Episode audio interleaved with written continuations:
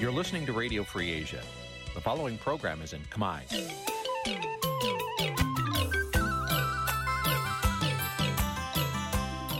Nǐ chi càm bi tiệp xáy vệt chiu a zì sê ray នេះជាកម្មវិធីផ្សាយរបស់ Vithu Azisari ជាភាសាខ្មែរ វត្តឈូអាស៊ីសេរីសូមស្វាគមន៍លោកអ្នកនាងទាំងអស់ពីរដ្ឋធានី Washington នៃសហរដ្ឋអាមេរិក បាទពីរដ្ឋធានីវ៉ាស៊ីនតោនខ្ញុំបាទសេកបណ្ឌិតសូមជម្រាបសួរអស់លោកអ្នកនាងកញ្ញាទាំងអស់ជាទីមេត្រី បាទយើងខ្ញុំសូមជូនកម្មវិធីផ្សាយសម្រាប់រាត្រីថ្ងៃសៅរ៍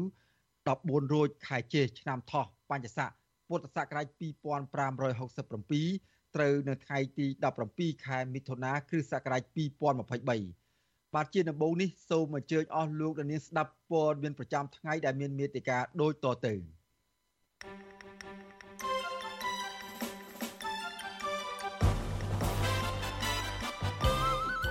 ពលរដ្ឋខ្មែររស់នៅនិងធ្វើការនៅក្រៅប្រទេសប្រកាសមិនទៅបោះឆ្នោតគ្រូបង្រៀននៅវិទ្យាល័យសេរីសុភ័ណ្ឌស្នើដល់ក្រសួងអប់រំប្រគល់ការងារឲ្យលោកស៊ិនវត្តថាវិញលោកប្រាសខុនចូលរួមកិច្ចប្រជុំនៅប្រទេសថៃដើម្បីពិភាក្សាពីវិបត្តិនៅប្រទេសមីយ៉ាន់ម៉ាការតស៊ូជំរុញឲ្យស្ត្រីពិការវុតចន្ទថា คล้ายជាម្ចាស់មេដៃមាសរួមនឹងព័ត៌មានសំខាន់សំខាន់មួយចំនួនទៀត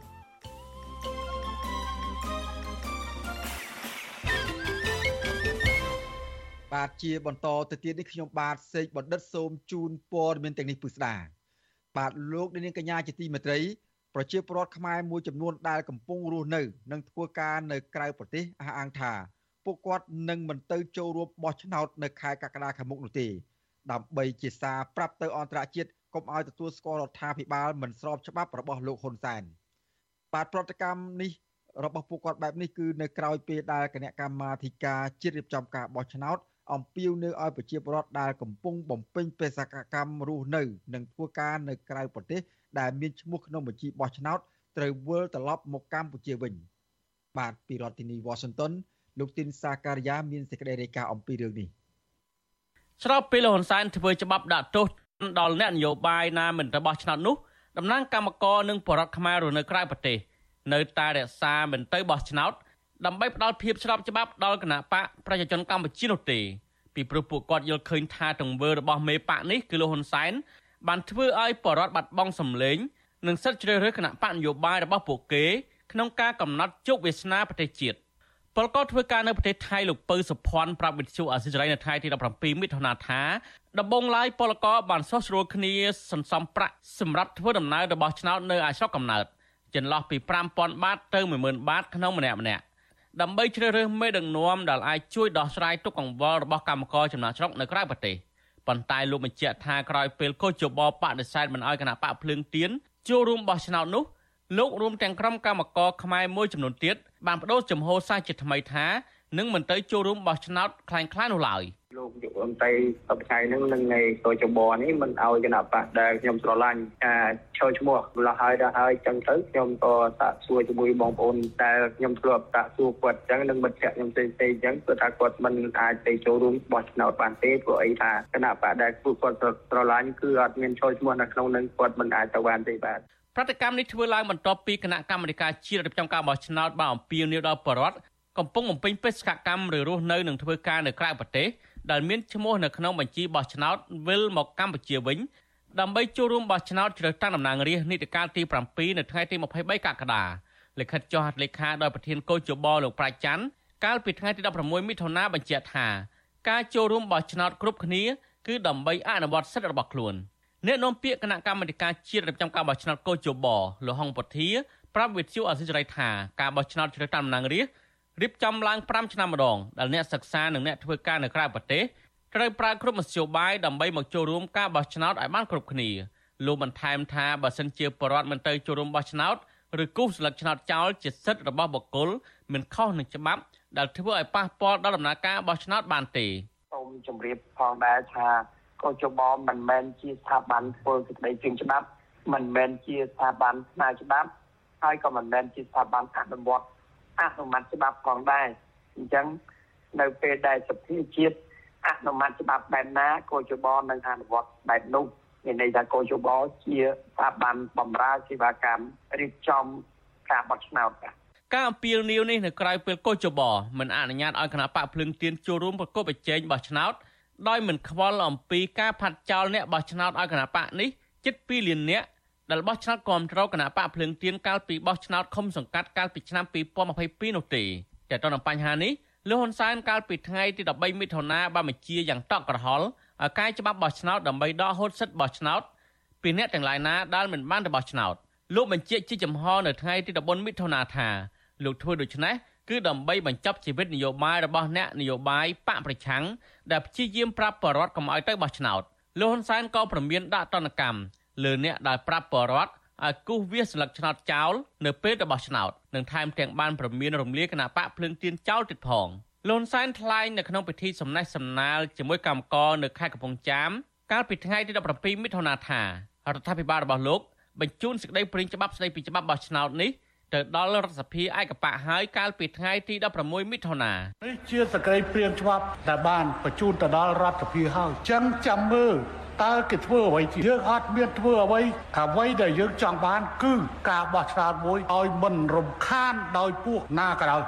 ដោយណាណាក៏ដោយខ្លះបំផ្លាញនៅក្នុងពេលវេលាដែលគេបោះឆ្នោតបំផ្លាញពេលដែលគេរាប់ត្រឡឹកឆ្នោតចឹងទេត្រូវមានទោសទាំងអស់ត្រូវទទួលផាកពិន័យរហូតទៅដល់ បាត់ហើយមានទោសបន្ថែមចាឥឡូវតើគេធ្វើអីទៀតទោះជាយ៉ាងណាប្រដ្ឋខ្មែររស់នៅប្រទេសអូស្ត្រាលីលោកសៀងហៃប្រាប់ថាប្រជាពលរដ្ឋខ្មែរជាច្រើនអ្នករស់នៅក្រៅប្រទេសនឹងមិនចំណាយលុយធ្វើដំណើររបស់ឆ្នោតនៅថ្ងៃទី23កក្កដាខាងមុខនេះទេពីព្រោះពួកគេមិនចង់ផ្ដល់ភាពស្របច្បាប់ឲ្យលោកហ៊ុនសែនដើម្បីបន្តដឹកនាំប្រទេសទៅជារបបផ្ដាច់ការតពូជនិងរំលោភសិទ្ធិសេរីភាពរបស់ប្រជាពលរដ្ឋនោះទេទន្ទឹមនឹងនេះលោកដឹងថាមិត្តភ័ក្តិបងប្អូនរបស់លោកនៅក្នុងស្រុកមួយចំនួននឹងពហិការទៅបោះឆ្នោត រីឯអ្នកដែលរងការគំរាមកំហែងឬប្រឈមនឹងការដាក់កម្រិតវិញពួកគាត់នឹងចូលទៅក្នុងបន្ទប់សម្ងាត់គូសស្លឹកឆ្នោតខ្វែងចោល។លោកថាសកម្មភាពទាំងនេះនឹងធ្វើឲ្យរដ្ឋាភិបាលដែលកើតចេញពីការបោះឆ្នោតមកគ្រប់កិច្ចរងភាពអាម៉ាស់និងតន្តកម្មពីអន្តរជាតិនៅក្រៅការបោះឆ្នោតបើសិនជាគ្មានប្រជាជនទៅបោះឆ្នោតច្រើនឬក៏ស្លឹកឆ្នោតដែលអត់ប្រយោជន៍ច្រើនគឺលោកហ៊ុនសែនមានភាពអាម៉ាស់ច្រើនណាស់ បើលោកហ៊ុនសែនពុញចឹងហើយយើងមានអាសិទ្ធិចឹងដែរតាមគេហៅថារុញទឹកប្រោយទឹកប្រោយទៅក្រោយពីការរំលាយគណៈបកសង្គ្រោះជាតិកាលពីឆ្នាំ2017ប្រជាពលរដ្ឋដែលបានទៅចូលរួមបោះឆ្នោតជ្រើសតាំងតំណាងរាស្ត្រក្នុងឆ្នាំ2018បានត្រឹមតែ80%ប៉ុណ្ណោះបើធៀបនឹងការបោះឆ្នោតឃុំសង្កាត់ឆ្នាំ2017មានរហូតដល់ទៅ90%លើសពីនេះ ដោយសារតែមានការគម្រាមកំហែងពីអាជ្ញាធរនៅតាមសហគមន៍មូលដ្ឋាននិងសារគម្រាមកំហែងរបស់លោកហ៊ុនសែនចំពោះអ្នកដែលមិនទៅបោះឆ្នោតផងនោះប្រជាពលរដ្ឋបានបង្ខំចិត្តទៅបោះឆ្នោតទោះជាយ៉ាងណាការបោះឆ្នោតនៅក្នុងឆ្នាំ2018មានស្លឹកឆ្នោតរហូតដល់ទៅ6សែនសន្លឹកជាស្លឹកឆ្នោតមិនបានការជំវិញនឹងរឿងនេះនាយកប្រតិបត្តិអង្គការឃ្លាំមើលការបោះឆ្នោតហៅកាត់ថា Netflix លោកសំគុណធីមីថ្លែងថាការសម្រេចមន្ត្រីចូលរួមការបោះឆ្នោតគឺជាសិទ្ធិរបស់ប្រជារដ្ឋម្ចាស់ឆ្នោត លោកមើលឃើញថាឧបសគ្គសំខាន់ដែលប្រជារដ្ឋជាច្រើន នៅក្រៅប្រទេសមិនវិលមកចូលរួមបោះឆ្នោតបាន គឺដោយសារតែពួកគាត់ចំណាយប្រាក់ធ្វើដំណើរច្រើន និងបញ្ហាជាច្រើនទៀតលោកអំពីនៅដល់ស្ថាប័នពាក់ព័ន្ធធ្វើវិសោធនកម្មបោះឆ្នោតដើម្បីឲ្យបរដ្ឋនៅក្រៅប្រទេស អាចចោះឈ្មោះនិងបោះឆ្នោតបានបោះឆ្នោតគាត់នៅក្រៅប្រទេសគាត់ទៅចំណាយលុយធ្វើដំណើរវីសាអីទៅអស់បងលុយគាត់ត្រូវចំណាយច្រើនណាគាត់ទៅមកបោះឆ្នោតដល់គ្រប់ប្រកាសគាត់ណាទី1ណាវាពិបាកចឹងគ្នាគ្នាធ្វើការមានលុយតិចតួចហើយក៏ធ្វើដំណើរជីឡានជីអីឆ្លងកាត់ប្រទេសឲ្យមកបោះឆ្នោតហើយទៅវិញណាបាទយើងចង់ឲ្យមានការយល់ឡាយបោះឆ្នោតនៅតាមប្រទេសនីមួយមួយតាមហាទូណាកុំឲ្យគាត់ប្រឈមការលំបាករបាយការណ៍របស់ក្រសួងការងារបង្ហាញថាមកទល់ពេលនេះ កម្មករកម្ពុជាកំពុងធ្វើការនៅក្រៅប្រទេសជាង1លាន3សែននាក់នៅប្រទេសកូរ៉េខាងត្បូងចំនួនជិត50000នាក់ក៏ប៉ុន្តែរបាយការណ៍ពីអង្គការសង្គមស៊ីវិលមួយចំនួនបង្ហាញថាពលករកម្ពុជានៅក្រៅប្រទេសទាំងស្របច្បាប់និងមិនស្របច្បាប់អាចមានច្រើនជាងនេះដោយគ្រាន់តែនៅប្រទេសថៃពលករចំណាកស្រុកមានជាង2លាននាក់និងម៉ាឡេស៊ីមានប្រមាណជា100000នាក់ដោយមិនទាន់បញ្ចូលចំនួនបរតខ្មែរដែលមានសញ្ជាតិបរទេសរាប់សែននាក់ទៀតផង ខ្ញុំទីនសាការីយ៉ាអស៊ីសេរីប្រធានីវ៉ាស៊ីនតោនបាទលោកនាងកញ្ញាជាទីមេត្រីតកតងនឹងព្រឹត្តិការណ៍បោះឆ្នោតជាតិដែលនឹងចូលមកដល់នៅថ្ងៃទី23ខែកក្កដានៅថ្ងៃទី23ខែកក្កដាខាងមុខនេះបាទមកទល់នឹងពេលនេះគឺនៅសល់តែ37ថ្ងៃទៀតទេការបោះឆ្នោតជាតិនឹងចូលមកដល់ហើយបាទពេលទៅចូលគូសស្លឹកឆ្នោតគ្មាននរណាម្នាក់ដឹងថាលោកអ្នកបោះឆ្នោតឲ្យគណៈបកណានោះឡើយ ម្យ៉ាងវិញទៀតការបោះឆ្នោតវាជាសិទ្ធិនៅក្នុងការសម្រេចចិត្តរបស់អស់លោកអ្នកតែម្នាក់ឯងគត់គ្មានជនណាឬអាជ្ញាធរណាអាចបង្ខិតបង្ខំលោកអ្នកបាននោះទេ បាទសូមអរគុណបាទលោកនាងកញ្ញាជាទីមេត្រីឥឡូវនេះពាក់ព័ន្ធនឹងបញ្ហាគ្រូបង្រៀននៅស្រុកស្រីសុភ័ណ្ឌនៅនោះវិញដែលត្រូវបានដកហូតចេញពីមុខតំណែង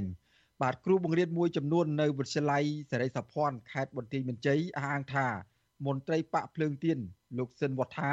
ជាមនុស្សស្អាតស្អំនិងបំពេញតួនាទីនៅក្នុងសាលាបានត្រឹមត្រូវតាមវិជ្ជាជីវៈរបស់មន្ត្រីរាជការស៊ីវិលបាទពួកគាត់ស្នើទៅដល់ក្រសួងអប់រំត្រូវពិចារណាលើរឿងនេះឡើងវិញដើម្បីផ្ដល់យុត្តិធម៌ដល់គ្រូបង្រៀនរូបនេះបានបំពេញការងារឡើងវិញបាទសំណើនេះធ្វើឡើងបន្ទាប់ពីលោកស៊ិនវត្ថាត្រូវបានរដ្ឋមន្ត្រីក្រសួងអប់រំបណ្ដេញចេញពីក្របខ័ណ្ឌក្រោមហេតុផលថាមានកំហុសឆ្គងការ បាទមានកំហុសឆ្គងផ្នែកវិជ្ជាជីវៈកាលពីពេលថ្មីថ្មីនេះបាទពីរដ្ឋធានីវ៉ាស៊ីនតោនលោកយុនសមៀនមានសេចក្តីរាយការណ៍អំពីរឿងនេះក្រុមគ្រូបង្រៀននៅវិទ្យាល័យសេរីសុភ័ណ្ឌលើកឡើងស្រដៀងស្រដៀងគ្នាថាលោកសិនវត្ថាមិនបានប្រព្រឹត្តផ្ទុយពីវិជ្ជាជីវៈមន្ត្រីរាជការដោយការចោទប្រកាន់នោះឡើយហើយពួកគាត់ធ្វើជាសាក្សីក្នុងរឿងនេះបានគ្រូបង្រៀនគណិតវិទ្យាថ្នាក់ទី12លោកសុំសុខុន ប្រាប់វិទ្យុអាស៊ីសេរីថា លោកសិនវត្ថាមានប្រវត្តិឆ្លងកាត់ប្រឡងប្រជែងចូលបម្រើការងារដោយសមត្ថភាពត្រឹមត្រូវមុនក្លាយជាគ្រូបង្រៀនលោកយល់ថាការលុបឈ្មោះលោកសិនវត្ថាចេញពីក្របខ័ណ្ឌអាចពាក់ព័ន្ធរឿងនយោបាយច្រើនជាងកំហុសឆ្គងវិជ្ជាជីវៈព្រោះលោកសិនវត្ថា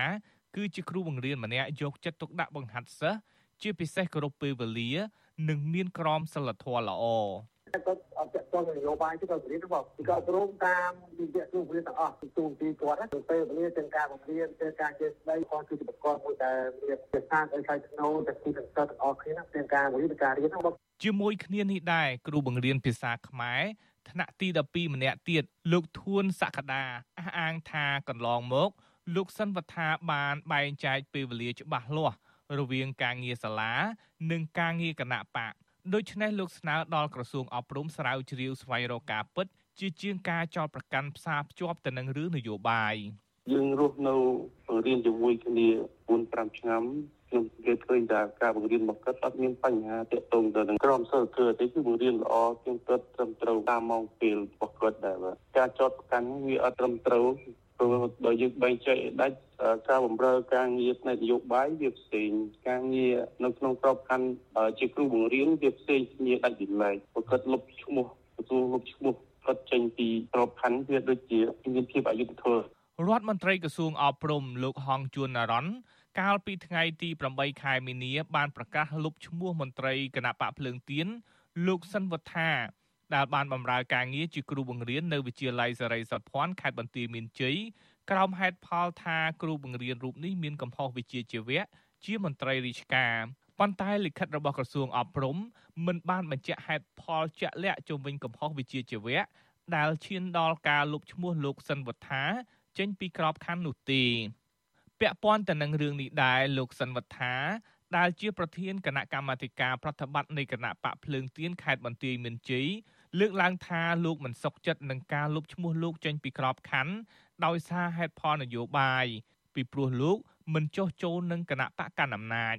លោកបានដាក់លិខិតស្នើសុំមន្ត្រីអប់រំខេត្តបង្ហាញឯកសារដែលយកមកចោទប្រកាន់លោកកាលពីថ្ងៃទី15ខែមិថុនាប៉ុន្តែមកទល់ពេលនេះមន្ត្រីអប់រំខេត្តមិនទាន់ឆ្លើយតបនៅឡើយទេ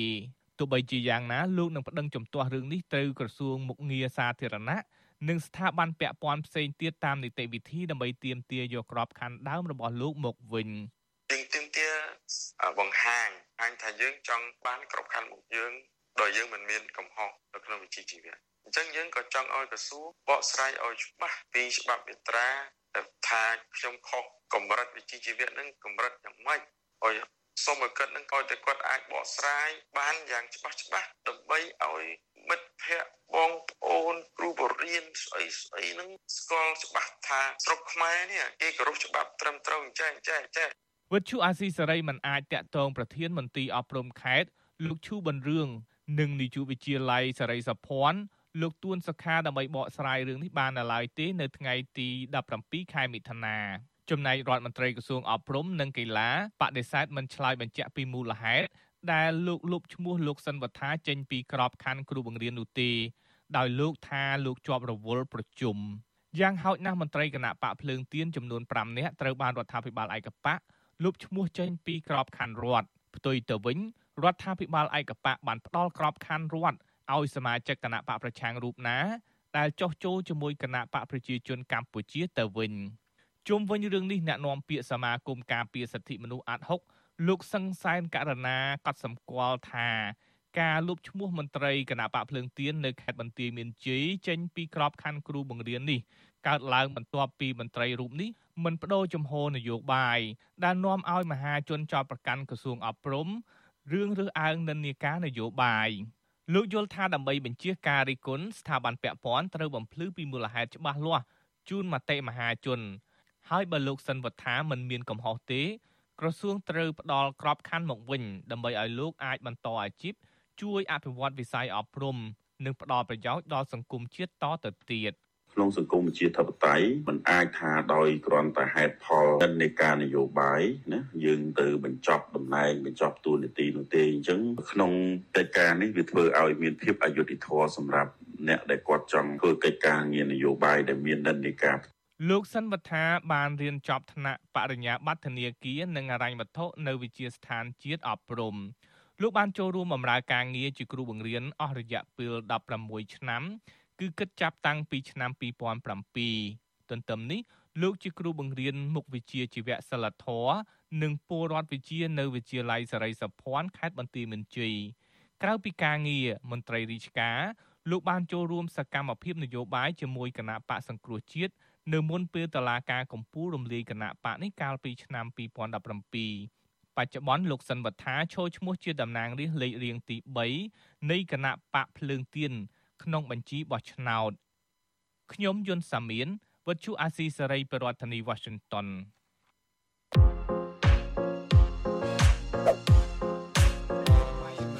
បើសិនជាខ្ញុំប្រើអំណាចផ្ដាច់ការគឹមសុកហ៊ានមកប្រាប់ខ្ញុំចឹងអត់ ហេបើបងប្រើអំណាចផ្ដាច់ការខ្ញុំក៏អត់និយាយជាមួយបងដែរអ្នកបញ្ជាធិបតីចឹងនេះពូលីចាស់មែនក៏ប៉ុន្តែសំដីចេញមកត្រូវត្រូវគ្រប់ម៉ាត់ហ្មងណានិយាយអត់ខុសអីម៉ាត់សោះអត់សូវភ្លឺហ្មងទេចង់បងអាប់ចង់សរសើរចង់បងអាប់ចង់សរសើរ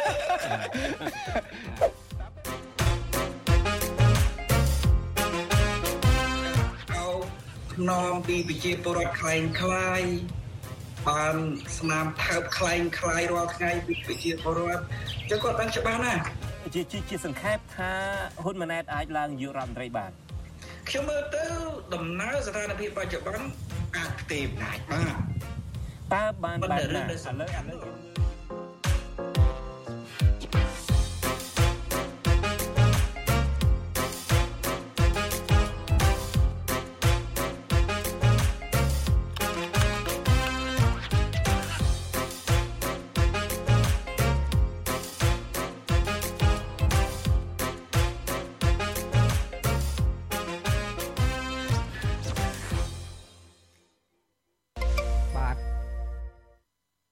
បាទលោកនាងកញ្ញាជាទីមេត្រី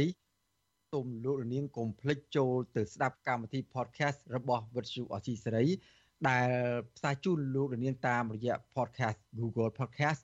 និង Apple Podcast ដែលផ្សាយជូនលោកនាងឡើងវិញរៀងរាល់ថ្ងៃរៀងរាល់ព្រឹកថ្ងៃសៅរ៍និងផ្សាយជូនលោកនាងនៅរាល់ថ្ងៃនៅរៀងរាល់យប់ថ្ងៃច័ន្ទនៅក្នុងកម្មវិធីផ្សាយផ្ទាល់របស់ Virtu Asia សេរីបាទសូមលោកនាងចូលរួមតាមដានស្ដាប់និងចូលទៅ ទស្សនានិងស្ដាប់ការផ្សាយកម្មវិធី podcast របស់វិទ្យុអេស៊ីសីនេះកុំបីខាន បាទសូមអរគុណ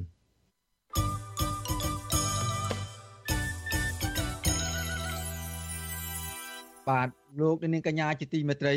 សកម្មជនសិទ្ធិមនុស្សចង់ឲ្យរដ្ឋាភិបាលតាក់តែងច្បាប់ការពារផ្នែកសុខភាព និងសិទ្ធិសម្រាប់ក្រមស្ត្រីរកស៊ីផ្លូវភេទដោយពួកគេចាត់ទុកថា វាជាមុខរបរមួយកើតឡើងពីការស្ម័គ្រចិត្ត និងមិនមែនជាបទល្មើសព្រហ្មទណ្ឌឡើយបាទការស្នើសុំនេះបន្ទាប់ពីមានប្រតិកម្មទៅនឹងវិធានការរបស់អាជ្ញាធររាជធានីភ្នំពេញដែលនាំឲ្យមានការបំពានសិទ្ធិរបស់ក្រមស្ត្រីរកស៊ីផ្លូវភេទនៅតាមបណ្ដោយផ្លូវវែងស្រេងកន្លងមកនេះបាទពីរដ្ឋធានីវ៉ាស៊ីនតោនលោកយ៉ងច័ន្ទរាមានសេចក្តីរាយការណ៍អំពីរឿងនេះដូចតទៅក្រុមអង្គការសង្គមស៊ីវិលលើកឡើងថាមុខរបររកស៊ីផ្លូវភេទដែលធ្វើឡើងដោយស្ម័គ្រចិត្ត គឺជាសិទ្ធិមនុស្សនៅក្នុងការផ្តល់សេវាកម្មឆ្លើយតបទៅនឹងតម្រូវការ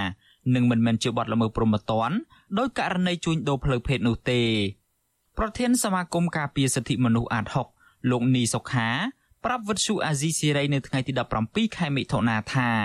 បើទោះបីជាមុខរបររកស៊ីផ្លូវភេទមិនសូវមានការសាទរនិងលើកទឹកចិត្តពីសង្គមឲ្យស្ត្រីប្រកបរបរនេះយ៉ាងណាក្តីក៏រដ្ឋាភិបាលត្រូវតែមានចំណាត់ការ ឬបង្កើតច្បាប់ ដើម្បីផ្ដល់ភាពស្របច្បាប់និងការគាំពៀសង្គមចំពោះស្ត្រីទាំងនោះដែរលោកបន្តថាការបង្កើតច្បាប់មិនមែនដើម្បីរឹតបន្តឹងឡើយក៏ប៉ុន្តែដើម្បីឲ្យមុខរបររកស៊ីផ្លូវភេទនៅកម្ពុជា មានរបៀបរៀបរយដោយបណ្ដាប្រទេសដទៃទៀតដូចជាការកំណត់ទីតាំងច្បាស់លាស់សម្រាប់ប្រកបមុខរបរនេះនិងដើម្បីឲ្យមានការធានាពីរដ្ឋាភិបាល ជួយទៅលើផ្នែកពិនិត្យសុខភាពជាទៀងទាត់សម្រាប់ស្ត្រីរកស៊ីផ្លូវភេទ។ ចឹងបានថានៅតំបន់ខ្លះគេរៀបចំឲ្យមានជាប្លុកហើយប្លុកទាំងអស់ហ្នឹងគឺថាគេហាមមិនឲ្យក្មេងជាអនិច្ចជនអីហ្នឹងចូលទៅក្នុងតំបន់ហ្នឹងទេដោយសារតែគេខ្លាចប៉ះពាល់ទៅដល់សតិអារម្មណ៍ឬក៏ទៅដល់ស្មារតីរបស់ក្មេងកុមារាកុមារីទាំងអស់ហ្នឹងចឹងហើយគេត្រូវមានរៀបចំច្បាប់ហ្នឹងឲ្យបានត្រឹមត្រូវលោកយល់ឃើញថាមូលហេតុដែលស្ត្រីមួយចំនួនសម្រាប់ចិត្តប្រកបមុខរបររកស៊ីផ្លូវភេទនេះគឺដោយសារតែពួកគាត់ទាល់ច្រកនិងជាជំរើសចុងក្រោយដើម្បីរកប្រាក់ដោះស្រាយជីវភាពគ្រួសារ ការអំពាវនាវរបស់មន្ត្រីសង្គមស៊ីវិលនេះធ្វើឡើងបន្ទាប់ពីកងកម្លាំងសមត្ថកិច្ចខណ្ឌពោធិ៍សែនជ័យកាលពីយប់ថ្ងៃទី8ខែមិថុនាបានចុះទៅប្រមូលក្រុមស្ត្រីរកស៊ីផ្លូវភេទជាង30នាក់នៅតាមបណ្ដោយផ្លូវវែងស្រេងរួចដឹកតាមរថយន្តដើម្បីយកទៅអប់រំហើយបានដោះលែងវិញដោយអាជ្ញាធរអះអាងថាក្រុមស្ត្រីទាំងនោះបានអង្គុយហៅភ្ញៀវអាណាធិបតេយ្យប៉ះពាល់ដល់សន្តិភាពសង្គមក៏ប៉ុន្តែការចុះបង្ក្រាបនេះបានធ្វើឲ្យមានប្រតិកម្មប្រឆាំង ពីមន្ត្រីរដ្ឋាភិបាលអ្នកធ្វើការងារផ្នែកស្ត្រី និងប្រជាពលរដ្ឋមួយចំនួន បន្ទាប់ពីមានការថតបង្ហោះនិងបង្ហាញមុខក្រុមស្ត្រីទាំងនោះជាសាធារណៈនៅតាមបណ្ដាញសង្គម Facebook ដែលជាទង្វើធ្វើឲ្យប៉ះពាល់និងបំពានសិទ្ធិរបស់ក្រុមស្ត្រីទាំងនោះនៅក្នុងចំណោមមន្ត្រីរដ្ឋាភិបាលដែលរិះគន់វិធានការបង្ក្រាបទៅលើក្រុមស្ត្រីរកស៊ីផ្លូវភេទទាំងនោះក៏មានរដ្ឋមន្ត្រីក្រសួងព័ត៌មានលោកខៀវកញ្ញរិទ្ធម្នាក់ដែរដោយលោកបានគាំទ្រឲ្យមានការប្តឹងផ្តល់ ទៅតុលាការទៅលើអ្នកថតបង្ហោះរូបស្ត្រីរកស៊ីផ្លូវភេទទាំងនោះដោយមិនបានបិទបាំងមុខរបស់ពួកគេជុំវិញបញ្ហានេះវិទ្យុអាស៊ីសេរីមិនអាចសុំការឆ្លើយតបពីអ្នកនាំពាក្យសាលារដ្ឋាភិបាលភ្នំពេញលោកមេតមាសភក្តីប្រធានអង្គភិបអ្នកនាំពាក្យរដ្ឋាភិបាលលោកផៃស៊ីផាននិងអ្នកនាំពាក្យគណៈកម្មាធិការសិទ្ធិមនុស្សរបស់រដ្ឋាភិបាលលោកកតាអូនបាននៅឡើយទេ នៅថ្ងៃទី17ខែមិថុនា ការសិក្សាមួយដោយបណ្ដាញស្ត្រីការងាររួបរวมដែលជាសហជីពក្រមស្ត្រីរកស៊ីផ្លូវភេទនៅរាជធានីភ្នំពេញមានសមាជិក6000នាក់កាលពីឆ្នាំ2020បង្ហាញថា93%នៃក្រមស្ត្រីរកស៊ីផ្លូវភេទបានប្រឈមមុខផលប៉ះពាល់យ៉ាងខ្លាំងដោយសារជីវភាពការសិក្សានេះបន្តទៀតថានៅក្នុងចំណោមស្ត្រីរកស៊ីផ្លូវភេទចំនួន130នាក់មាន17% បានคลายទៅជាអ្នកបម្រើសេវាកំសាន្តឯករាជ្យឬចុះហៅភ្ញៀវនៅតាមដងផ្លូវបន្ទាប់ពីមានការបិទខារ៉ាអូខេនិង Beer Garden ដោយសារតែវិបត្តិជំងឺ Covid-19 ហើយ45%ជាស្ត្រីគ្មានការងារធ្វើជុំវិញរឿងនេះនាយកទទួលបន្ទុកកិច្ចការទូតទៅនៃអង្គការសិទ្ធិមនុស្សលីកាដូលោកអំសំអាត លើកឡើងថាការស្នើរបស់អង្គការសង្គមស៊ីវិលដែលចង់ឲ្យបង្កើតច្បាប់ការពារក្រុមស្ត្រីរកស៊ីផ្លូវភេទនេះគឺដោយសារតែមុខរបរនេះ បានកើតឡើងនៅក្នុងសង្គមជាយូរយារមកហើយកន្លងមកវាយើងបានឃើញស្ត្រីរកស៊ីផ្លូវភេទតាមទួនច្បារតាមទីសាធារណៈមួយចំនួនក៏ត្រូវបានប្រមូលទៅដាក់នៅផ្ទៃពឺអីចឹងទៅហើយយើងឃើញថាថ្មីថ្មីក៏មានតែការប្រមូលប៉ុន្តែទស្សនវិជ្ជាទាំងអស់ហ្នឹងក៏វាមិនអាចលុបបំបាត់បានគឺឃើញតែនៅតែកើតជាបន្ត ចឹងហើយបានអង្គការសង្គមស៊ីវិលជាច្រើនគេមើលឃើញថាបើសិនជាបញ្ហានឹងនៅតែបន្តវាគួរតែមានច្បាប់តែម្ដងទៅវាជាជាងអត់មានច្បាប់ហើយស្ត្រីទាំងអស់ហ្នឹងអាចនឹងត្រូវរងគ្រោះជាបន្តបន្តក្រមស្ត្រីរកស៊ីផ្លូវភេទនៅតែទទួលរងនៅការរើសអើងនិងការកេងប្រវ័ញ្ចជាពិសេសក្រមស្ត្រីដែលចុះហៅភ្ញៀវនៅតាមដងផ្លូវពួកគេប្រឈមហានិភ័យខ្ពស់ទៅនឹងការយាយីពីសំណាក់ប៉ូលីសនិងអំពើហិង្សាពីអតិថិជន ព្រមទាំងទទួលបានប្រាក់ចំណូលមិនទៀងទាត់ជាដើមកាលពីខែមករាឆ្នាំ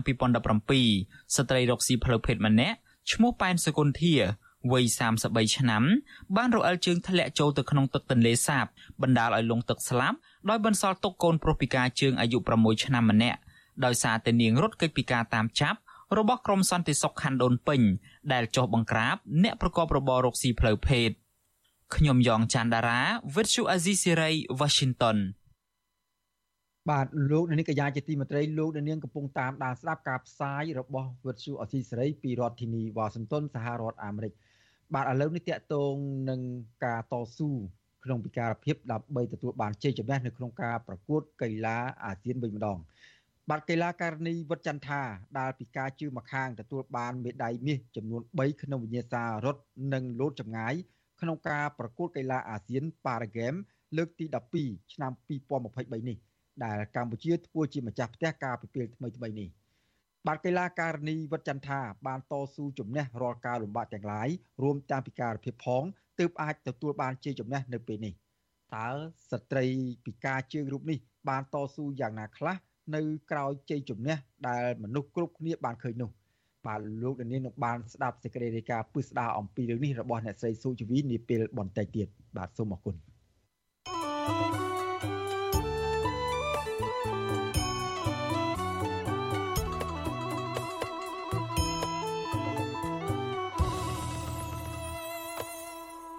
បាទលោកនាងកញ្ញាជាទីមេត្រីឥឡូវនេះយើងពាក់ព័ន្ធមានសេចក្តីរាយការណ៍ពាក់ព័ន្ធនឹងការលំបាករបស់ប្រជា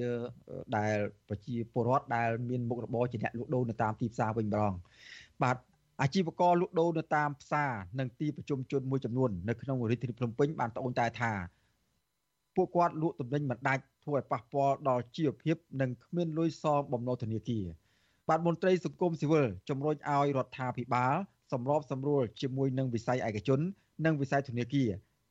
ឲ្យពន្យាពេលឬបន្ធូរបន្ថយដល់ការសងបំណុលដើម្បីផ្ដល់លទ្ធភាពដល់ប្រជាពលរដ្ឋឲ្យបានស្ដារសេដ្ឋកិច្ចរបស់ខ្លួនឡើងវិញបាទពីរដ្ឋធានីវ៉ាស៊ីនតោនលោកជាតិចំណាន មានសេចក្តីរាយការណ៍អំពីរឿងនេះផ្សារលក់ដូរទំនិញម្ហូបអាហារនិងសម្លៀកបំពាក់នៅរាជធានីភ្នំពេញដែលធ្លាប់តែមានមនុស្សដើរទិញទំនិញជាហូរហែនាពេលនេះខ្លាចជាស្ងប់ស្ងាត់ដែលមានតែតូបនិងអ្នកលក់តែប៉ុណ្ណោះ។ អាជីវករលក់ខោអាវនៅផ្សារអូរស័យលោកស្រីកឹមលុនប្រាប់វិសុអាស៊ីស្រីនៅថ្ងៃទី17ខែមិថុនាថាមួយរយៈនេះមិនសូវមានពលរដ្ឋមកដើរផ្សារនោះឡើយសូម្បីតែនៅក្នុងថ្ងៃចុងសប្តាហ៍លោកស្រីបន្តថាពលរដ្ឋមួយចំនួនចាប់ផ្ដើមចាយវាយរដ្ឋបិទជាងមុននិងមិនងាយដើរទិញទំនិញនោះឡើយអាជីវកររូបនេះបន្ថែមថាការបាត់បង់អតិថិជនធ្វើឲ្យប៉ះពាល់ដល់ជីវភាពរបស់អាជីវករគ្រប់គ្នាជាពិសេសអ្នកដែលជាប់បំណុលធនាគារដែលបង់រំលោះផ្ទះឬដីជាដើម។សម្រាប់អ្នកដែល គ្នាជួតតូបគេដូចជាខ្ញុំអីអញ្ចឹងជាដើមគឺប៉ះពាល់ខ្លាំងមែនទែនខ្ញុំសូមសំណូមពរពីខាងអាជីវករមិនថាជាផ្សារអូស័យរបស់ខ្ញុំឬក៏ផ្សារណាក៏ដោយចុះទូទាំងតែរាជាណាចក្រកម្ពុជាសូមសំណូមពរដល់អ្នកដែលជាមានតូបជួលឲ្យពួកខ្ញុំអ្នកដែលមានផ្ទះជួលឲ្យគេគ្រប់គ្រប់គ្នាប្រសិនបើអាចជួយចុះថ្លៃតូបជួយចុះថ្លៃផ្ទះឲ្យអាជីវករគ្រប់គ្រប់គ្នាផងទៅព្រោះអីវាពិតជាពិបាកខ្លាំងមែនទែនហើយយើងមិនដឹងថាយើងទៅស្រែកអអ្នកណាឲ្យជួយទេ ចំណែកអាជីវករម្នាក់ទៀតដែលលក់សម្ភារៈសិក្សានៅផ្សារស្ទឹងមានជ័យលោកស្រីធឿនរដ្ឋាត្អូញត្អែថាថ្ងៃខ្លះគ្មានអ្នកទិញទំនិញពីហាងលោកស្រីសំបីតែម្នាក់លោកស្រីបន្តថាដោយសារតែគ្មានអ្នកដើរផ្សារអាជីវករមួយចំនួនមកបើកតូបលក់តែមួយព្រឹកហើយត្រឡប់ទៅផ្ទះវិញនៅពេលថ្ងៃត្រង់ដែលធ្វើឲ្យផ្សារកាន់តែស្ងាត់ជាងមុនលោកស្រីបន្ថែមថាថ្ងៃខ្លះលោកស្រីលក់មិនបានប្រាក់សំបីតែ100រៀលហើយតម្លៃតូបនៅតែទេដោយមួយខែមានតម្លៃ300ដុល្លារគ្មានការចុះថ្លៃនោះឡើយ។ ត់មានមនុស្សតែឥឡូវហ្នឹងពួកខ្ញុំមកហ្នឹងមក10ដល់មកបើកមក9មកបើកបើកអត់មានមនុស្សដើរស្ងឹតភាពហ្នឹងឥឡូវអត់មានមនុស្សมันមួយមួយដើរនិយាយរួមថាឆ្ងាយទៅទៅហ្នឹងមានមួយមួយដើរពីពីអត់មានមនុស្សដើរមិននេះអត់មានមនុស្សដើរត្មងអ្នកអ្នកលក់ហ្នឹងអង្គុយក្រៅពីផ្សារអូរស័យអាជីវករផ្សារធំថ្មីផ្សារបឹងកេងកងផ្សារទួលទំពូងនិងផ្សារដើមកោដែលសុទ្ធតែជាផ្សារធំធំនៅក្នុងរាជធានីភ្នំពេញក៏បានត្អូញត្អែពីបញ្ហានេះនៅលើបណ្ដាញសង្គម Facebook ដោយថតវីដេអូនិងរូបភាពដែលបង្ហាញពីទស្សនវិជ្ជាស្ងាត់ជ្រងំនៅពេលព្រឹកនៅថ្ងៃត្រង់ដែលជាពេលដែលធ្លាប់មានមនុស្សដើរច្រើនបំផុតពួកគាត់លើកឡើងស្រដៀងស្រដៀងគ្នាថាស្ថានភាពសេដ្ឋកិច្ចក្នុងឆ្នាំ2023នេះគឺពិបាកជាងក្នុងអំឡុងពេលវិបត្តិជំងឺ Covid-19 កាលពីឆ្នាំ2020និង2021ទៅទៀតអាជីវករត្អូញត្អែថាអ្វីត្បិតពួកគាត់មិនអាចរកចំណូលបានមែនតែធនាគារនិងក្រុមហ៊ុនបងរំលោះនៅតែបន្តយកការប្រាក់និងសំណងដោយគ្មានការលើកលែងរហូតដល់មានអ្នកខ្លះ ត្រូវបានធនាគារនិងក្រុមហ៊ុនទាំងនោះរឹបអូសអចលនទ្រព្យដោយសារតែគ្មានលទ្ធភាពបង់វិសុវអស៊ីសេរីមិនអាចតាក់ទងแนะនាំពាក្យក្រសួងសេដ្ឋកិច្ចនិងហិរញ្ញវត្ថុលោកមាសសុកសេនសាននិងប្រធានអ្នកនាំពាក្យរដ្ឋាភិបាលលោកផៃស៊ីផានដើម្បីសុំការបកស្រាយជុំវិញបញ្ហានេះបានទេនៅថ្ងៃទី17ខែមិថុនាជុំវិញរឿងនេះប្រធានអង្គការសម្ព័ន្ធគណនេយ្យភាពសង្គមកម្ពុជាលោកសនជ័យយល់ឃើញថាកត្តាដែលនាំឲ្យប៉ះពាល់ដល់សេដ្ឋកិច្ចនៅពេលនេះគឺបណ្ដាលមកពីវិបត្តិសេដ្ឋកិច្ចពិភពលោក បង្កដោយសង្គ្រាមរវាងរុស្ស៊ីនិងអ៊ុយក្រែននិងការបិទរោងចក្រដែលធ្វើឲ្យកម្មកររាប់ម៉ឺននាក់បាត់បង់ការងារលោកបន្តថានៅក្នុងស្ថានភាពបែបនេះរដ្ឋាភិបាលគួរតែសម្របសម្រួលជាមួយវិស័យឯកជនដូចជាគ្រឹះស្ថានមីក្រូហិរញ្ញវត្ថុក្រុមហ៊ុនអចលនទ្រព្យជាដើមដើម្បីទុកឱកាសឲ្យវិស័យឯកជនកម្រិតតូចនិងមធ្យមអាចស្ដារលទ្ធភាពផ្នែកហិរញ្ញវត្ថុឡើងវិញឬក៏ស្ថានភាពសប្តាហ៍នេះអាជីវករធំធំគួរតែមានយន្តការសម្របសម្រួលក្នុងការជជែករកដំណោះស្រាយ ក្នុងនោះក៏យើងចង់ឃើញការអន្តរាគមឬក៏វិធានការរបស់រដ្ឋាភិបាលដែរណាដើម្បីធ្វើការជាមួយវិស័យឯកជនក្រសួងសេដ្ឋកិច្ចនិងហិរញ្ញវត្ថុព្យាករថាកម្ពុជានឹងមានកំណើនសេដ្ឋកិច្ច7.6%នៅឆ្នាំ2023ប៉ុន្តែរបាយការណ៍វិតម្លៃរបស់ធនាគារពិភពលោកនៅដើមឆ្នាំ2023បង្ហាញថាសេដ្ឋកិច្ចរបស់ប្រទេសកម្ពុជាត្រូវបានព្យាករណ៍ថានឹងកើនឡើងក្នុងរង្វង់5.5%នៅឆ្នាំ2023និង6%ក្នុងឆ្នាំ2024 ដោយសារតែការស្ទុះងើបឡើងវិញនៃវិស័យទេសចរនិងកំណើនខ្ពស់ក្នុងវិស័យសេវាកម្មធនាគារពិភពលោកថាអធិបរណានៅកម្ពុជាកំពុងកើនឡើងខ្ពស់ជាងមុននិងបង្កឲ្យមានផលប៉ះទង្គិចខ្លាំងទៅលើជីវភាពរបស់គ្រួសារក្រីក្រដែលក្នុងនោះមានគ្រួសារខ្លះត្រូវបង្ខំចិត្តកាត់បន្ថយបរិមាណអាហារហូបចុកនិងឈប់ឲ្យកូនទៅរៀនទៀតផងខ្ញុំបាទជាចំណាន Visual Assisray ប្រធានាទី Washington បាទលោកនាងកញ្ញាជាទីមេត្រីលោកនាងកំពុងតាមដានស្ដាប់ការផ្សាយរបស់វិទ្យុអសីស្រីពីរដ្ឋធានីវ៉ាស៊ីនតោនសហរដ្ឋអាមេរិកឥឡូវនេះយើងក៏រលេខទៅមើលគ្រោះរាំងស្ងួតនៅឯខេត្តបាត់ដំបងនៅវិញបាទប្រជាពលរដ្ឋនៅស្រុកបវលខេត្តបាត់ដំបងបារម្ភថាក្នុងរដូវប្រាំងឆ្នាំនេះមិនមានទឹកគ្រប់គ្រាន់សម្រាប់ស្រោចស្រពដំណាំនោះទេដែលអាចបណ្ដាលឲ្យប៉ះពាល់ដល់ជីវភាពរបស់ប្រជាកសិករ បាទមន្ត្រីអង្គការសង្គមស៊ីវិលថាអាជ្ញាធរមូលដ្ឋានគួរតែធ្វើរបាយការណ៍អំពីពលរដ្ឋខ្វះទឹកនិងស្នើទៅកាន់មន្ទីរធនធានទឹកនៅខេត្តដើម្បីរកដំណោះស្រាយជុំវិញបញ្ហានេះ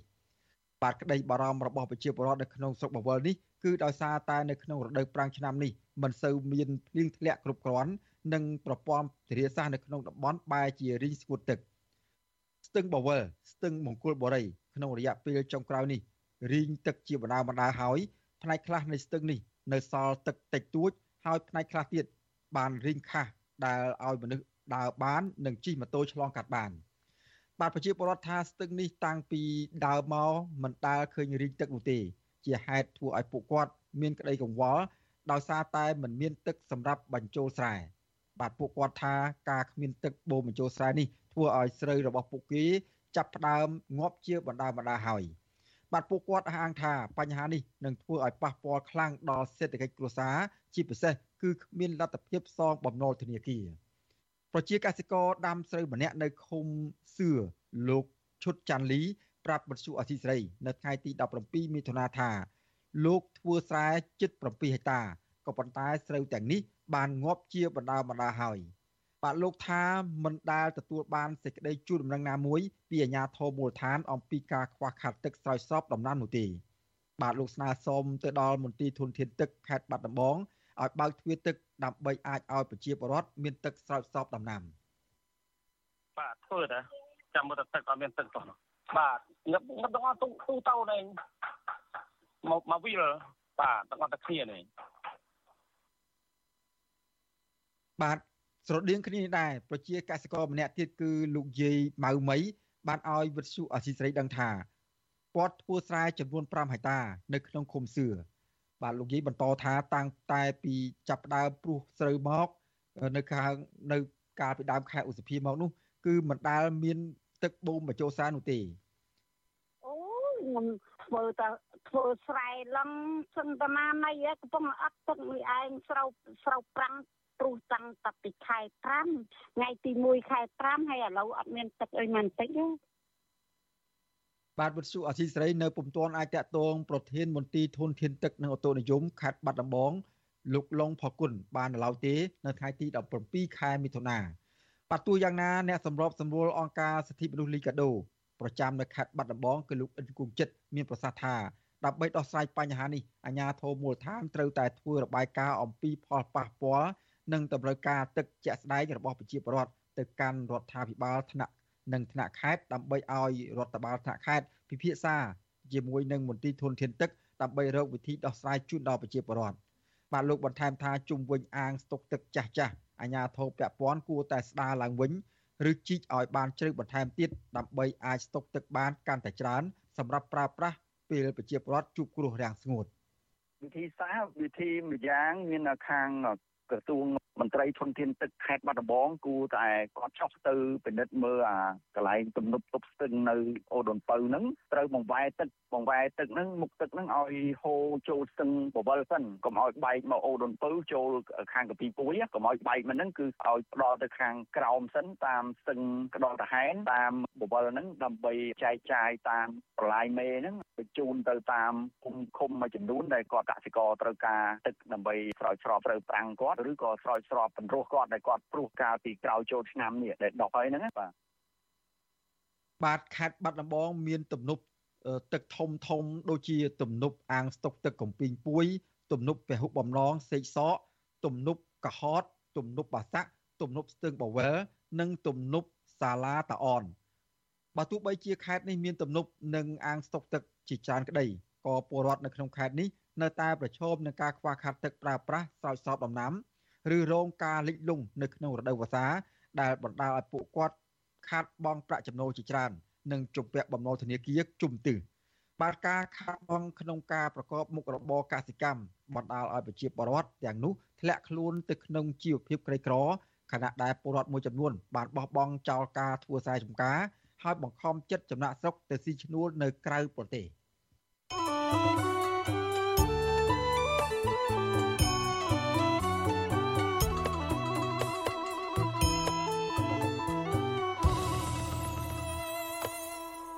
បាទលោកនាងកញ្ញាជាទីមេត្រីតកតងនឹងការរស់នៅរបស់ប្រជាពលរដ្ឋនៅឯខេត្តស្វាយរៀងឯនោះវិញ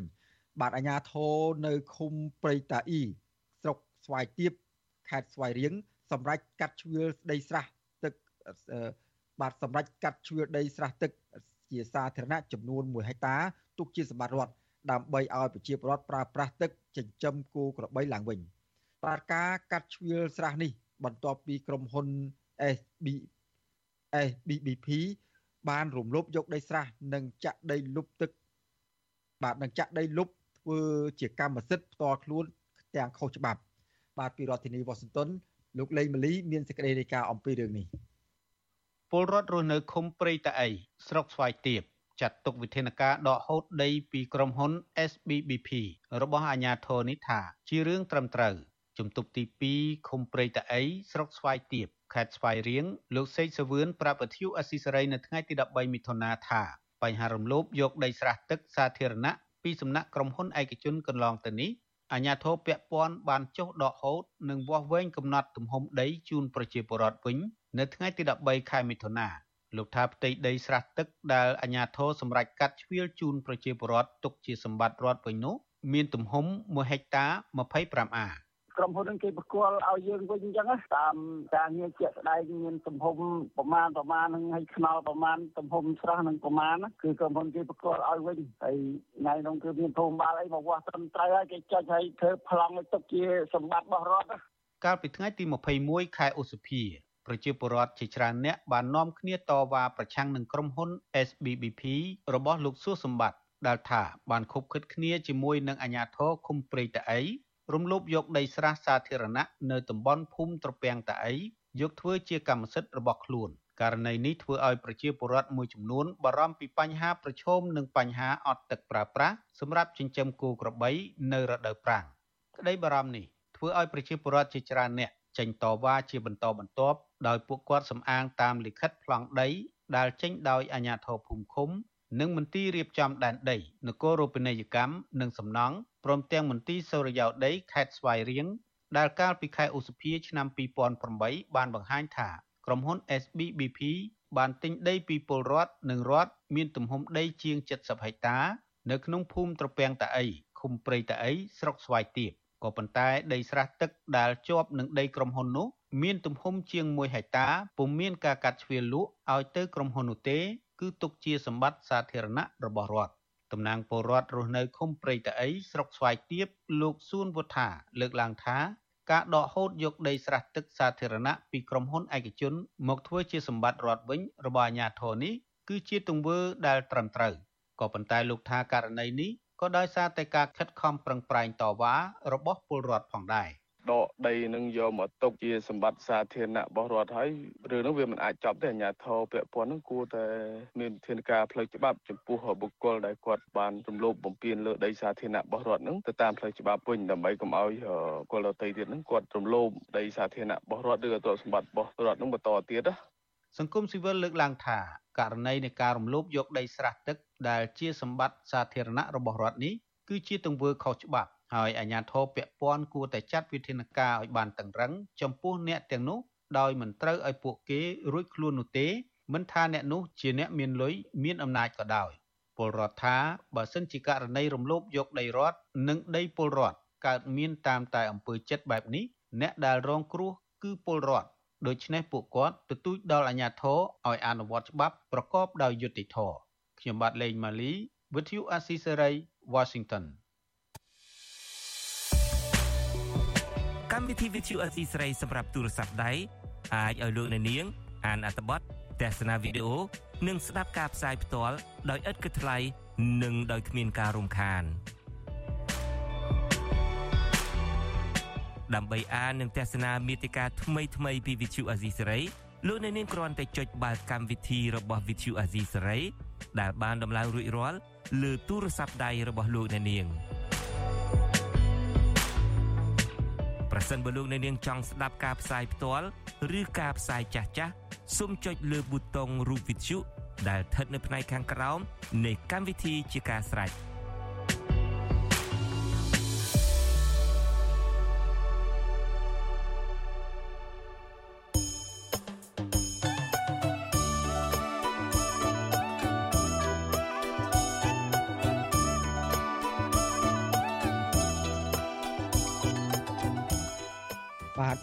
នាងកញ្ញាជាទីមេត្រីដំណើរគ្នានឹងស្ដាប់ការផ្សាយរបស់វិទ្យុអសីស្រីតាមបណ្ដាញសង្គម Facebook និង YouTube ព្រមទាំងបណ្ដាញសង្គម Telegram នោះលោកនាងក៏អាចស្ដាប់កម្មវិធីផ្សាយរបស់វិទ្យុអសីស្រីតាមរយៈរលកធាតុអាកាសខ្លីឬ Shortwave តាមកម្រិតនិងកម្ពស់ដូចតទៅនេះ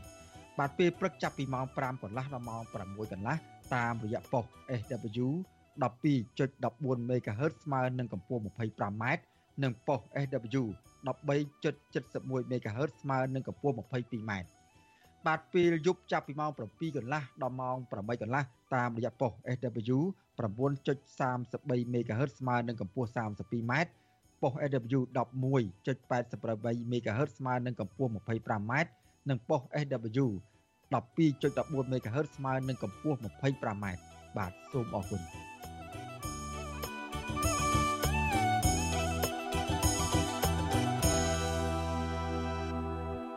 បាទលោកនាងកញ្ញាជាទីមេត្រីពាក់ព័ន្ធនឹងដំណោះស្រាយដែលកើតមាននៅក្នុងតំបន់អាស៊ានគឺវិបត្តិនៅមីយ៉ាន់ម៉ានៅវិញ បាទលោកប្រាក់សខុនរដ្ឋមន្ត្រីក្រសួងការបរទេសគ្រងទៅកាន់ប្រទេសថៃ ដើម្បីចូលរួមក្នុងកិច្ចប្រជុំពិភាក្សាស្ដីពីបញ្ហាមីយ៉ាន់ម៉ាឬភូមាដែលនឹងប្រព្រឹត្តទៅនៅថ្ងៃទី18ដល់ថ្ងៃទី19ខែមិថុនា បាទដំណើរទស្សនកិច្ចរបស់លោកប្រាក់សុខុនគឺតបតាមការអញ្ជើញរបស់រដ្ឋមន្ត្រីការបរទេសថៃ លោកដនប្រមាត់រីវៃដើម្បីចូលរួមកិច្ចពិភាក្សាក្រៅផ្លូវការស្ដីពីបញ្ហាមីយ៉ាន់ម៉ាបាទក្រសួងការបរទេសកម្ពុជាកត់សម្គាល់នៅក្នុងសេចក្តីប្រកាសព័ត៌មានកាលពីថ្ងៃទី16មិថុនាថាជំនួបផ្លាស់ប្ដូរយោបល់ដោយផ្ទាល់នេះគឺរួមចំណែកដល់ការរិះរោបមធ្យោបាយនានា ដើម្បីតាមដាននៅអនុសាសន៍ដែលបានលើកឡើងដោយថ្នាក់ដឹកនាំមួយចំនួននៅក្នុងកិច្ចប្រជុំកំពូលអាស៊ានលើកទី42កាលពីខែឧសភាកន្លងទៅបាទជំនួបនេះក៏នឹងជំរុញបន្ថែមទៀតនៅការអនុវត្តកិច្ចព្រមព្រៀងជាឯកច្ឆន្ទ5ចំណុចព្រមទាំងការវិតម្លៃនិងសេចក្តីសម្រេចចំនួន15ចំណុចរបស់ថ្នាក់ដឹកនាំអាស៊ាន ស្តីពីការអនុវត្តកិច្ចព្រមព្រៀងជាឯកច្ឆន្ទ5ចំណុចស្តីពីបញ្ហាមីយ៉ាន់ម៉ា បាត់ប្រទេសមីយ៉ាន់ម៉ាបានធ្លាក់ក្នុងភាពវឹកវរទៅក្នុងការរំលោភសិទ្ធិមនុស្សធ្ងន់ធ្ងរជាថ្មីទៀតចាប់តាំងពីក្រមយោធាបានធ្វើរដ្ឋប្រហារទម្លាក់រដ្ឋាភិបាលស្របច្បាប់ដឹកនាំដោយគណៈបកសម្ព័ន្ធដើម្បីលទ្ធិប្រជាធិបតេយ្យរបស់អ្នកស្រីអ៊ុងសានស៊ូជីកាលពីខែកុម្ភៈឆ្នាំ2021បាទរបាយការណ៍របស់សមាគមជួយអ្នកទោសនយោបាយឬហៅកាត់ថា AAPP ដែលមានមូលដ្ឋាននៅក្នុងប្រទេសថៃនិងមីយ៉ាន់ម៉ាឲ្យដឹងថាគិតត្រឹមថ្ងៃទី16ខែមិថុនានេះរបបយោរបបយោធាមីយ៉ាន់ម៉ាបានសម្លាប់ពលរដ្ឋជិត4000នាក់និងមនុស្សជាង20000នាក់ត្រូវបានរបបយោធាចាប់ខ្លួនចាប់តាំងពីមានរដ្ឋប្រហារមកក្នុងនោះមនុស្សជិត20000នាក់កំពុងជាប់ឃុំនៅក្នុងពន្ធនាគារនៅឡើយរហូតមកទល់នឹងពេលបច្ចុប្បន្ននេះ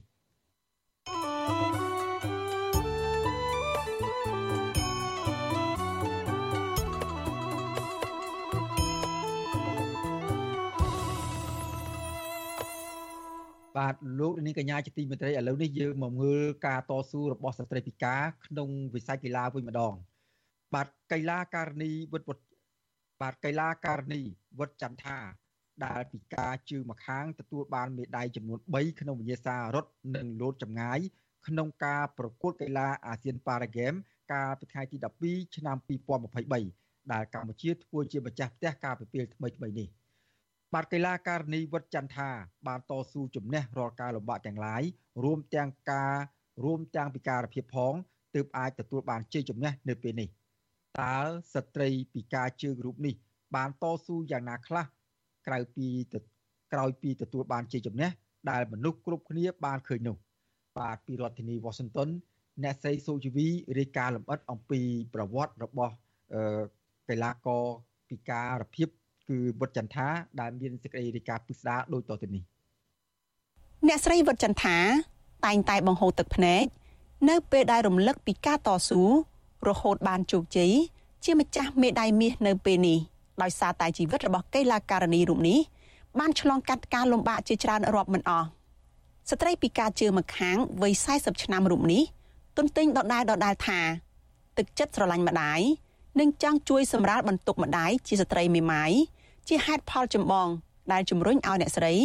ខិតខំប្រឹងប្រែងជំនះឧបសគ្គទាំងឡាយអ្វីដែលឲ្យបងឈ្មោះទៅមុខគឺម្ដាយរបស់បងឃើញពីភាពលំបាករបស់គាត់ធ្វើអញ្ចឹងទៅតែបងគិតថាមានគំនិតគិតថាតើអ្វីទៅធ្វើឲ្យខ្ញុំជួយម្ដាយខ្ញុំបានតើអ្វីទៅធ្វើឲ្យម្ដាយខ្ញុំមានសង្គមក្នុងក្នុងមានមុខមានមាត់ក្នុងសង្គមនឹងគេ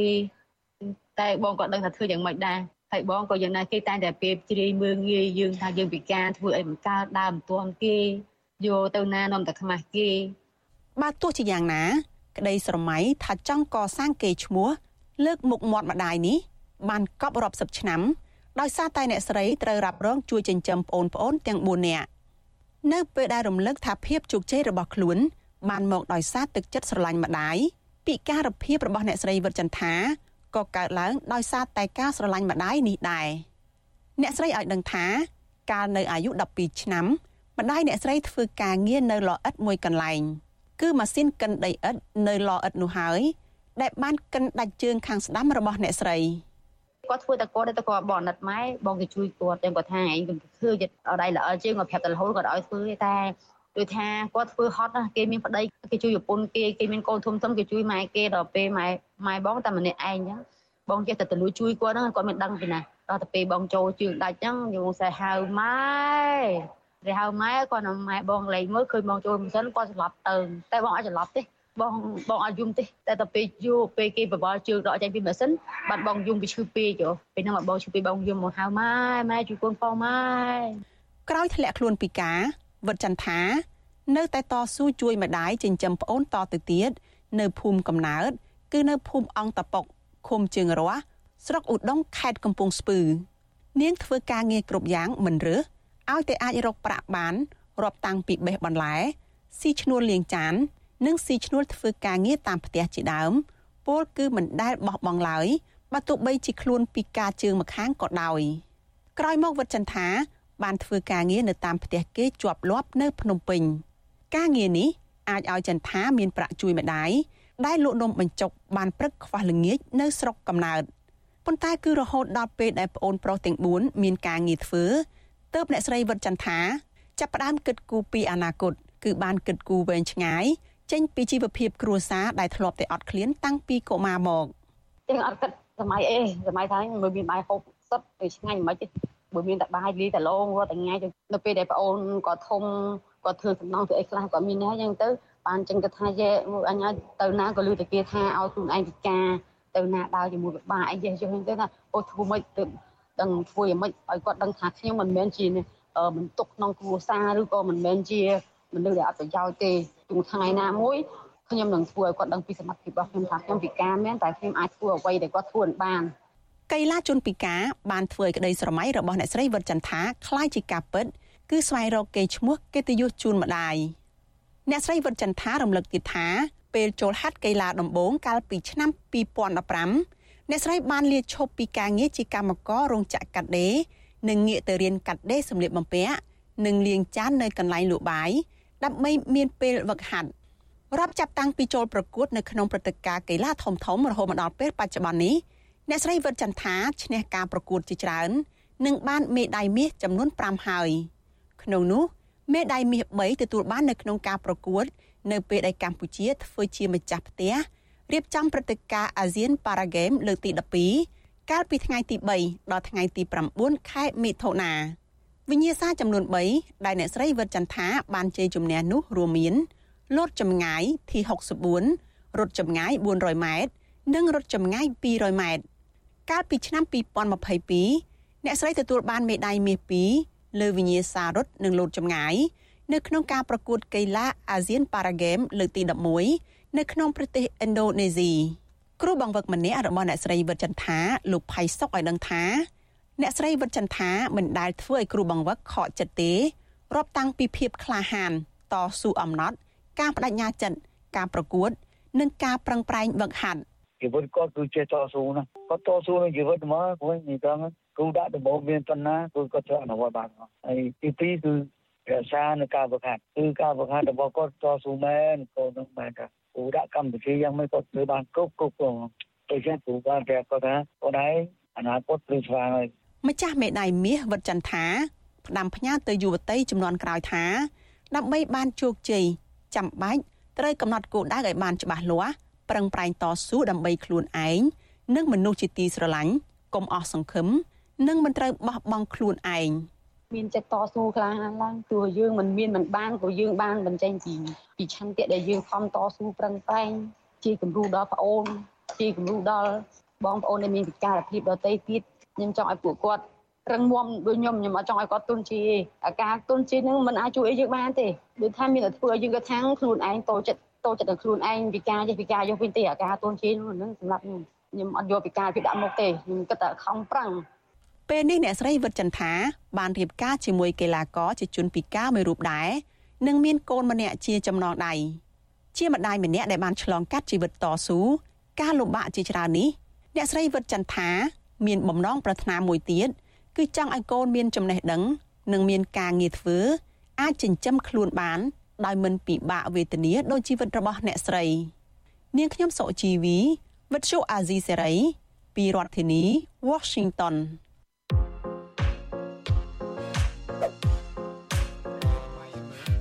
បើសិនជាខ្ញុំប្រើអំណាចផ្ដាច់ការគឹមសុកជៀនមកប្រាប់ខ្ញុំចឹងអត់ហេបើបងប្រើអំណាចផ្ដាច់ការខ្ញុំក៏អត់និយាយជាមួយបងដែរ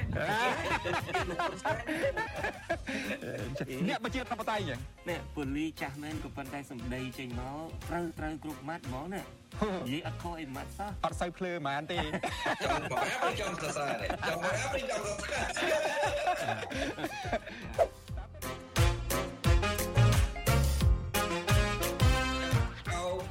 នាំពីប្រជាពលរដ្ឋខ្លែងខ្លាយបានស្នាមថើបខ្លែងខ្លាយរាល់ថ្ងៃពីប្រជាពលរដ្ឋចឹងគាត់ដឹងច្បាស់ណាស់ជាជាសង្ខេបថាហ៊ុនម៉ាណែតអាចឡើងនាយករដ្ឋមន្ត្រីបានខ្ញុំមើលទៅដំណើរស្ថានភាពបច្ចុប្បន្នអាចផ្ទេរអំណាចបានតើបានបែបណាឥឡូវឥឡូវ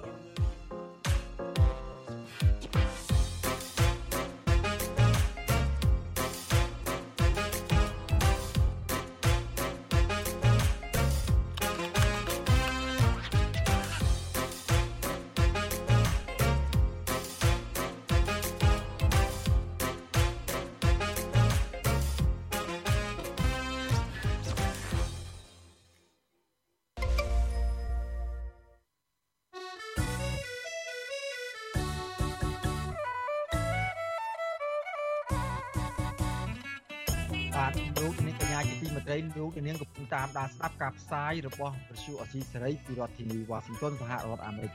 បាទដំណើរគ្នានឹងស្ដាប់ការផ្សាយរបស់វិទ្យុអស៊ីសេរីតាមបណ្ដាញសង្គមមាន Facebook និង YouTube និងប្រព័ន្ធសង្គម Telegram នោះលោកនាងក៏អាចស្ដាប់កម្មវិធីផ្សាយរបស់វិទ្យុអស៊ីសេរីតាមរយៈរលកធាតុអាកាសខ្លីឬ Shortwave ដែលមានកម្រិតនិងកម្ពស់ទៅទៅនេះបាទពេលព្រឹកចាប់ពីម៉ោង5កន្លះដល់ម៉ោង6កន្លះតាមរយៈប៉ុស SW 12.14 MHz ស្មើនឹងកម្ពស់ 25m និងប៉ុស SW 13.71 MHz ស្មើនឹងកម្ពស់ 22m បាទនៅពេលយប់ចាប់ពីម៉ោង7កន្លះដល់ម៉ោង8កន្លះតាមរយៈប៉ុស AW 9.33 MHz ស្មើនឹងកម្ពស់ 32m ប៉ុស AW 11.88 MHz ស្មើនឹងកម្ពស់ 25m និងប៉ុស SW 12.14 MHz ស្មើនឹងកម្ពស់ 25m បាទសូមអរគុណ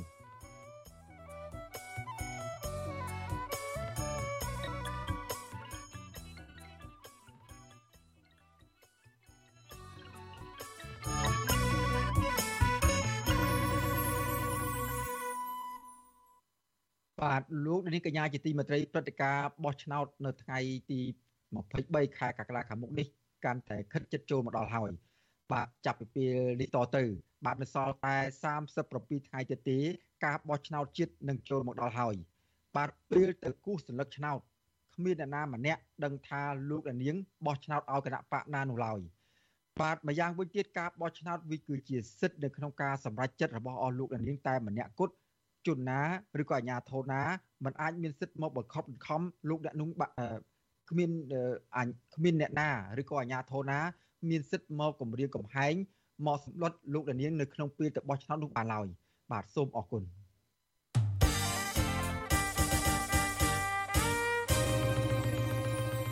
បាទលោកនាងកញ្ញាជាទីមេត្រីលោកនាងកំពុងតាមដានស្ដាប់ការផ្សាយរបស់វិទ្យុអសីសេរីពីរដ្ឋធានីវ៉ាស៊ីនតោនសហរដ្ឋអាមេរិក